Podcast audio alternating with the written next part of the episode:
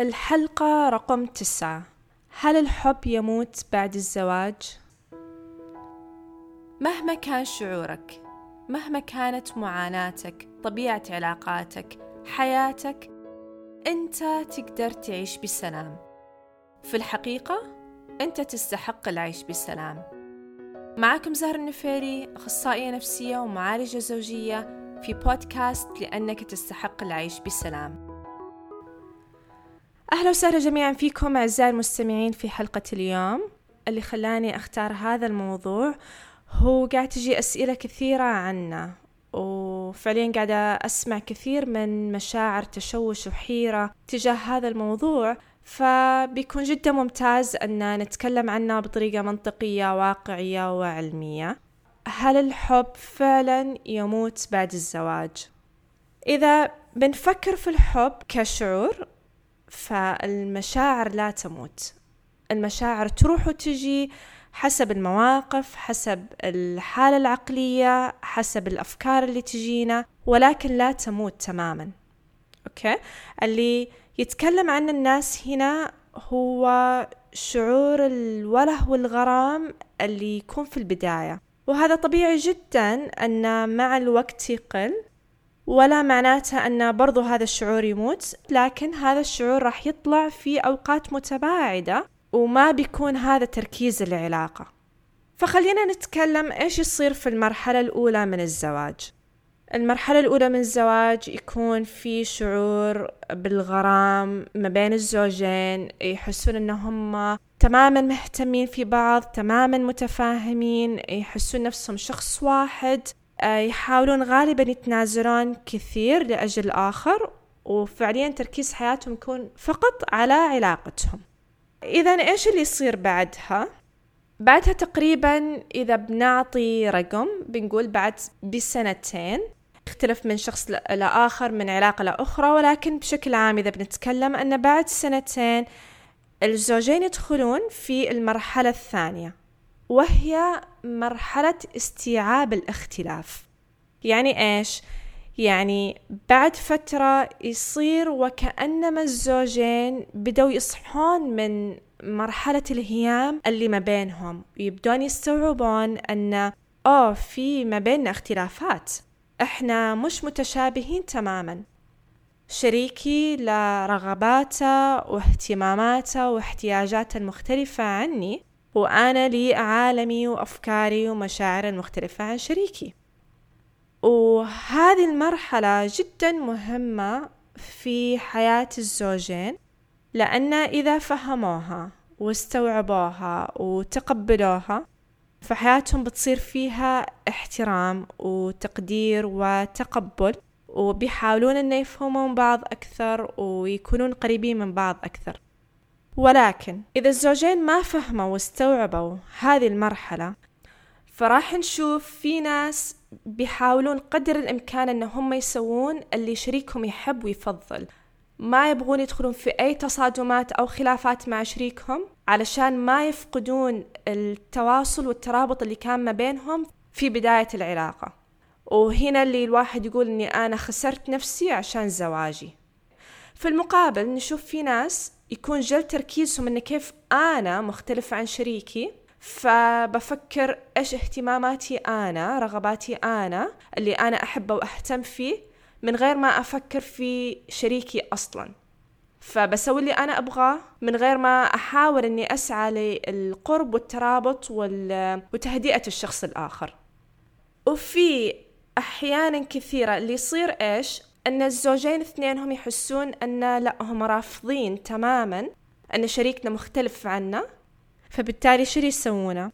يصير كل واحد منهم بيحارب بقدر الإمكان عشان يخلي الآخر يصير زيه أو يحارب قدر الإمكان عشان الشخص الآخر يسوي اللي يبغاه. وهنا نشوف أن تزيد النقد والعتاب واللوم والعصبية والزعل وليه ما تسمعني وليه ما تعمل اللي أقولك إياه. كله طبعا على أمل أن الآخر يصير زينا لأن اللي قاعد يصير هو أن قاعدين نحس بتوتر وقلق. ليش الآخر تغير؟ أو ليش الآخر ما عاد إنه هو قريب من عندي 24 ساعة زي أول؟ وبيصير في مخاوف وتفسيرات لما تبتعد عني وتشتغل على أحلامك وطموحاتك ويكون لك عالمك ووقتك أنا أخاف أن معناتها الشيء أن أنت ما تحبني أو أن حبنا مات وأنك بتتركني أو بتهملني. ففي هذه الفترة نشوف أن الخناقات والخلافات اللي تصير ما بين الزوجين غالبا تكون بسبب ردة فعل الطرفين على مشاعرهم الشخصية. يعني إيش؟ يتصرفون بعصبية ونقد وزعل لأن التصرف اللي عمله الشخص الآخر جاب لهم شعور بالخوف والتفسير اللي أو معناته شريكي ما يحبني ويبغى يتركني. وهنا جدا صعب أن نحاول نقرأ أفكار بعض ونفسر الأمور بكيفنا. لأن هذا اللي يخلينا نعلق في هذه المرحلة وبقوة. نعلق في فكرة أن إحنا مش مناسبين لبعض وحبنا مات وهذا إما أن يؤدي إلى زواج تعيس أو إلى طلاق. فعلشان نتخطى هذه المرحلة شو اللي نسويه؟ نستوعب أن إحنا فردين منفصلين عن بعض داخل نطاق زواج واحد. فالحياة مش متمركزة لا عليك ولا على شريكك. الحياة تكون متمركزة عليكم اثنينكم وعلى علاقتكم. هنا مهم الواحد يهتم في نفسه يبدأ يهدي نفسه. ما ينتظر شريكه هو اللي دايما يهديه. فما يحس الواحد إنه راح ينهار إذا كان شريكه مش متواجد له علشان يهديه ويطبطب عليه. وإحنا زي ما قلنا إن الشريكين مختلفين عن بعض. وجزء من الفائدة في معرفة هذا الشيء هو أن لما الشخص مثلا يحتاج إلى التهدئة يحتاج أنه يتكلم يحتاج شيء معين يكون مستوعب أن الشخص الآخر مختلف عنه. الشخص الآخر مو شرط أنه يكون في الحالة النفسية أو الجسدية أو العقلية اللي تخوله أنه هو يستجيب لهذا الطلب أو يلبي هذا الطلب أو أنه يسمع أو أنه يهدي. فيصير الواحد ما ياخذ الأمور بشكل شخصي ويوازن ما بين أنه يهتم في نفسه ويفهم نفسه ويهدي نفسه وما بين أنه يطلب من الشخص الآخر لأنه في الأخير هذا جزء من الزواج آه، أن الزوجين يكونوا مترابطين وفي قرب ما بينهم. لكن لما الشخص الثاني يرفض يصير أن الواحد ما يأخذ الموضوع على طول بشكل شخصي. لا يصير أنه هو يحاول يكون فضولي يبغى يفهم شو اللي صاير مع الشخص الآخر إيش آه يحتاج الشخص الآخر يمكن أصلا الشخص الآخر هو محتاج إلى التهدئة حتى أكثر منا يصير هنا الزوجين بشكل مستمر يحاولون أن هم يكونوا مترابطين بمعنى يتحاورون يفهمون بعض يكون في ما بينهم فضول. ليش عملت اللي عملته؟ شو اللي صار؟ إيش مزاجك؟ إيش مشاعرك؟ أفكارك؟ إيش احتياجاتك في اللحظة؟ إيش المنطق حقك في الحياة؟ مهم جدا نحط أنفسنا في مكان الآخر نستوعب إيش يقولون إيش نظرتهم للحياة. وطبعا الأكيد أن نعبر لهم إحنا برضو عن منطقنا وحياتنا واحتياجاتنا علشان يكون في فهم أكبر وفي تناغم ما بين الزوجين. طيب؟ فطبعا يجي مع هالكلام هذا كله أن نحاول نفهم إيش اللي الشخص الآخر يحبه ويفضله ويكرهه. مش اللي أنا أعتقد أنه هو يحبه ويفضله ويكرهه لأن إحنا الحين فهمنا أن شريك حياتنا مختلف عنا. وزي ما هو جدا مهم أن إحنا نركز على الاختلافات ونفهمها جدا مهم برضو أن إحنا نركز على الإيجابيات ونقاط القوة ما بيننا. وهذا ممكن يكون شوي صعب على كثير من الناس خاصة لما يكون العقل متعود على الانتباه فقط للسلبيات والاختلافات.